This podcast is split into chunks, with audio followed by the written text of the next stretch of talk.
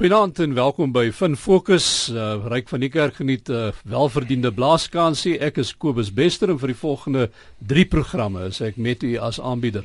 By my in die ateljee twee bekende name, Theo Foster van Galileo Capital. Theo, goeienaand.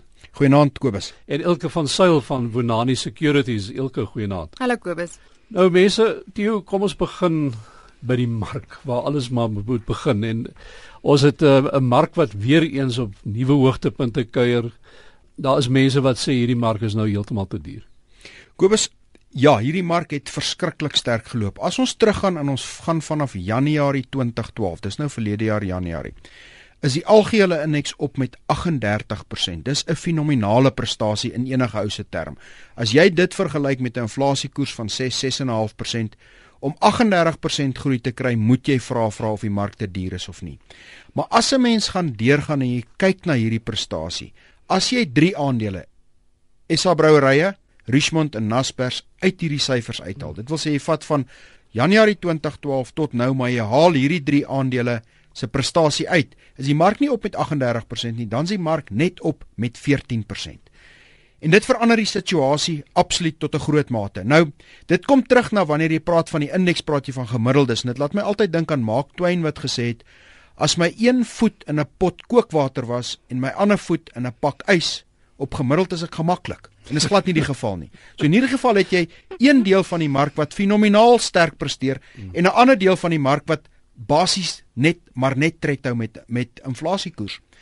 Nou is die vraag wat jy moet vra is na hierdie fenominale stygings waar ons nou is, is die mark te duur of nie? Weereens ons praat oor gemiddeldes. As jy vat na die prysverdienste verhouding op die huidige vlakke en jy meet die gemiddeld van die afgelope 15 jaar, dan kan jy 'n argument uitmaak dat hierdie mark is tussen 10 en 15% te duur. Dit beteken die mark is op historiese gegevens het hy vooruitgeloop. Nou 'n mark wat vooruitloop beteken 'n paar goed. Nommer 1 dit beteken dat die winsgroei of die stygings in pryse wat jy kan verwag in die toekoms gaan nie noodwendig so hoog wees soos in die verlede nie, want baie van die goeie nuus is verdiskonteer. Tweedens beteken dit dat jy begin 'n risiko kry dat die prestasie van die mark as geheel gaan daar is meer kanse dat die mark 'n blaaskans kan vat dat ons kan terugkom. Weereens, dis normaal vir 'n mark wat so sterk gegaan het. Is hierdie sterk genoeg vir 'n belegger om noodwendig sy posisie te verander nie? Ek dink nie so nie. 10 of 15% vooruitgeloop beteken net dat die winsgroei van maatskappye gaan moet opvang van die met die prys en as jy 'n belegger is maak net seker jy is oordentlik gediversifiseer want hierdie mark word gedryf deur enkele aandele en nie deur 'n mark as geheel nie en as jy versigtig is as jy van jou aandele wil verkoop wel jy het 'n besondere sterk loopie gehad maar ons is nie op 'n vlak wat hierdie per definisie sterk genoeg is om jou strategie noodwendig te verander nie. Dit is my opvallend dat die drie maatskappye wat jy genoem het net die drie aandele is al drie aandele met reuse buitelandse blootstelling. So, dis in effek in twee gevalle is dit. Nommer 1, dis maatskappye wat by verre hulle grootste besigheid en hulle grootste wins in waardering kom oor see. Dit wil sê SA Brouwerye Miller, Richmond en Naspers se waarde kom uit belange wat hulle oor see het. Maar die tweede punt is Die markprys word gemaak op oorseese bates. Dit beteken nie net kom die inkomste en en die en die, en die waardering, die regte geld word oorsee gemaak nie, maar wanneer die prys gemaak word, word daai prys is 'n afgeleide van 'n oorseese prys. So wanneer die rand verswak, wat ons nou gesien het die laaste klompie maande, kry jy twee effekte. Jy kry nommer 1, die besigheid, die inkomste wat hulle verdien word meer in randterme, maar nommer 2, die markwaarde waar hy genoteer is en waar sy prys gemaak word, hmm. word meer in randterme. So dit is dis hoekom hierdie maatskappye nie net 'n groot impak het omdat hulle oorsee genoteer is nie, hulle besigheid verdien harde geldeenhede. Kom ons bly by uh, goed wat markte die wel een van die goed wat die markte dryf en dis die petrolprys uh, die afgelope maande wat ons vir afgelope jaar of meer nou al uh elke en uh nou ja brandstof bly maar 'n belangrike komponent in enige ou se besigheid. Definitief en uh toe die nuwe VPI mandjie uitgereik is aan die begin van verlede jaar, het die gewig van petrol redelik gestyg in die mandjie. Hy sit nou by 5.7%. So meerendeels die um die volatiliteit wat ons gesien het in die VPI sover hierdie jaar was amper net as gevolg van hierdie petrolprys. Um ja, verlede maand was petrol 22% duurder um as 'n jaar voor um, voorheen, so met ander woorde jaar op jaar en ons gaan so klein 'n bietjie goeie nuus kry komende die eerste week um, in Oktober. Die rand het so 'n bietjie teruggekom van sy 10.50 laagtepunt aan die einde van um, van verlede maand. Ons het ook gesien dat die dat die ehm um, dat die Midde-Ooste se se tipe ehm um, stressituasie ehm um, 'n bietjie verminder het en die oliepryse het ook bietjie teruggekom. So ons mag dalk so 25 sent per liter vermindering in die petrolprys sien in die eerste week van Oktober. Maar indien ons dit meet sedert Januarie van hierdie jaar is die petrolprys nog steeds op met meer as ehm um, rand 30. Hmm. So dit wys vir ons nog steeds petrolpryse hou maar aan met styg. Maar hoekom hou petrolpryse so aan met styg? Want die rand is nie altyd swakker nie en die oliepryse is nie altyd hoër nie. Maar en daar gaan lê ek die skuld by die regering se deur. Ehm um, die basiese petrolprys sit eintlik nou op R7.30. So om daai gaping op te maak om by R13 wel um, die R13.50 heidaglik uit te kom, is belasting wat ons aan die regering betaal en dit word ook elke jaar so bietjie bietjie opgeskuif. Maar in die in die korttermyn gaan ons daai daai bietjie positiewe nuus skryf van 'n goedkoper prys in Oktober. Dis kwade dag wanneer jy begin dink dat uh, petrol is goedkoper wanneer hy net so by die 12 rand gaan. Ja. Of, of 12 rand iets. Maar nou ja, ehm uh, Theo nog 'n nuwe lugdiens. Ons het Fly Saf Air wat aangekondig en, en daar's 'n bekende naam wat in daai ding opgesluit lê. So Fly Saf Air passasiers uit skielik. Ja, Saf Air is die is is die kern van die besigheid. Nou Saf Air is 'n vrag lugdiensmaatskappy wat al 45 jaar oud is. Hulle het in 1968 begin en mense in die lugvaartindustrie ken hulle as 'n groot vragvervoermaatskappy en ook 'n maatskappy wat meer vliegtye uithuur aan mense wat wat vlugte wil doen. Maar wat hulle gedoen het is, hulle het hierdie week begin kaartjies verkoop onder die FlySafe Air handelsmerk en hulle betree die mark van laagkoste lugrederye. Nou as 'n mens 'n entjie teruggaan, dan sal ons onthou Ons het die afgelope klompie jare, die afgelope 15 jaar iets soos 10 of 12 van hierdie lugrederye gesien kom en gesien gaan en almal het gevou. En op die einde van die dag, ehm um, wanneer 'n mens nie kompetisie in 'n mark het nie, sien jy marges gaan opgaan. Nou as enige persoon wat vlieg, sal vir jou sê dat die afgelope 6 maande het vlugkaartjies opgetel en ek kan onomwonde sê dit is tussen 25 en 30% op. Plus vliegtye is chock-a-block vol. Nou deel hiervan was one time wat uit die mark uitgegaan het Maar die ander deel is dat wanneer daar minder kompetisie is, gebruik lugredery dit uiteraard om hulle marges op te skuif. En as jy gaan kyk na 'n genoteerde lugredery wat basies Comair is genoteer waarvan Kulula 'n beduidende deel is. So mense kan 'n idee kry wat daar aangaan. Kulula se aandelepryse het die afgelope 12 maande verdubbel. Comair se aandelepryse het verdubbel. Wat vir jou sê dat die winste en die vooruitsigte vir Kulula lyk heelwat beter en jy kan dit hmm. fisies sien in hulle marges. So Wanneer 'n mens so 'n situasie kry, duidelik omdat daar nie kompetisie is, betaal ons meer vir vlugte. Nou, FlySafe Air beplan om die 17 Oktober vir die eerste keer te vlieg. Hulle beplan 60 vlugte tussen Ouar Tambo en Johannesburg en Kaapstad lughawe 'n week. So dis nie dat hulle een of twee keer gaan vlieg nie, hulle wil baie aktief vlieg. Intussen wat gebeur het, is en ek dink mense kan dit verwag. Intussen het Comair wat Kalula besit, wat die, kompeteerder is, aansoek gedoen by die hof dat die lisensie wat toegeken is deur Burgerlugvaart aan FlySafair dat daar onreëlmatighede is, want daai lisensie bepaal dat jou aandelehouding primêr in Suid-Afrikaanse hande moet wees.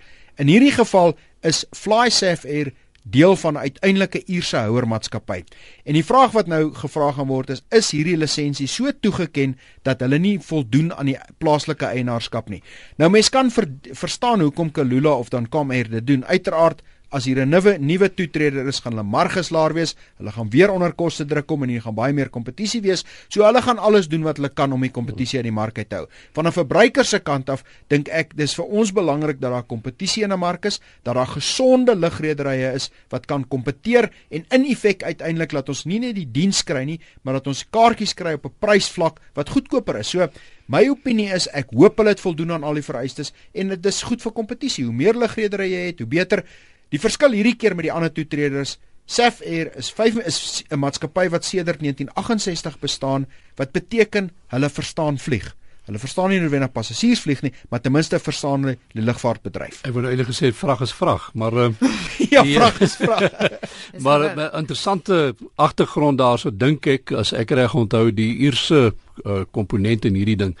Ehm um, in die dae van uh, in apartheid met die sanksies en so aan het baie van die ouens uh frontmaatskappy gaan stig op 'n plek in in hierdie geval nou in Ierland uh sodat hulle daarom ook die reg kon hê om in Europa aan die plekke te gaan vlieg. Ja, uiteraard is hierdie kom hy van 1968 af mm. en hy's deel van om Suid-Afrika toegang te kry tot lugweë internasionaal. uiteindelik sit hy nou met 'n Ierse aandeelhouer, houer maatskappy. Elke kom ons gaan 'n bietjie buiteland toe in uh, Amerika alweer op pad na ons het die fiscal klif gehad nou is daar die skuldplafon en so elke nou en dan wanneer dit begin lyk asof dit met in in daardie land weer ernstig aan die gang kom en goed gaan is daar een of ander krisis wat sy kop uitsteek Dit is net so en eintlik verlede week het ons gesien dat die dat die Federale Reservebank weer eens besluit het om nou of nie weer eens nie, maar eintlik besluit het om hulle sogenaamde kwantitatiewe verruiming nie terug te trek nie. En vir my die hoofrede daarvoor was hierdie onsekerheid rondom die rondom die politieke situasie en of hulle hierdie skuldplafon weer gaan kan lig. Uh hoekom die markte so 'n bietjie huiwerig is rondom hierdie situasie, is dit um dit roep 'n um, um, herinneringe terug van 6 Augustus 2011 toe hulle ook hierdie eh, hierdie tipe debakel gehad het en S&P het um, besluit om daai verlangde AAA kredietgradering van hulle weg te hmm. neem. Ehm um, die S&P het, het daarna redelik geval. Ehm um, alle markte het dit nie baie goed ehm um, hanteer nie. So dis nou op op daai selfde punt waar daar daai tipe van 'n gekibbel is tussen die Republikeine en Demokrate om nou te besluit of hulle die 16.7 ehm um, triljoen dollar um, plafon wel wel weer gaan laat styg. Uh, as mens kyk na wat gebeur het, lyk dit of hulle dit redelik gaan uittrek tot en met daai sperdatum van Dinsdag. Hmm.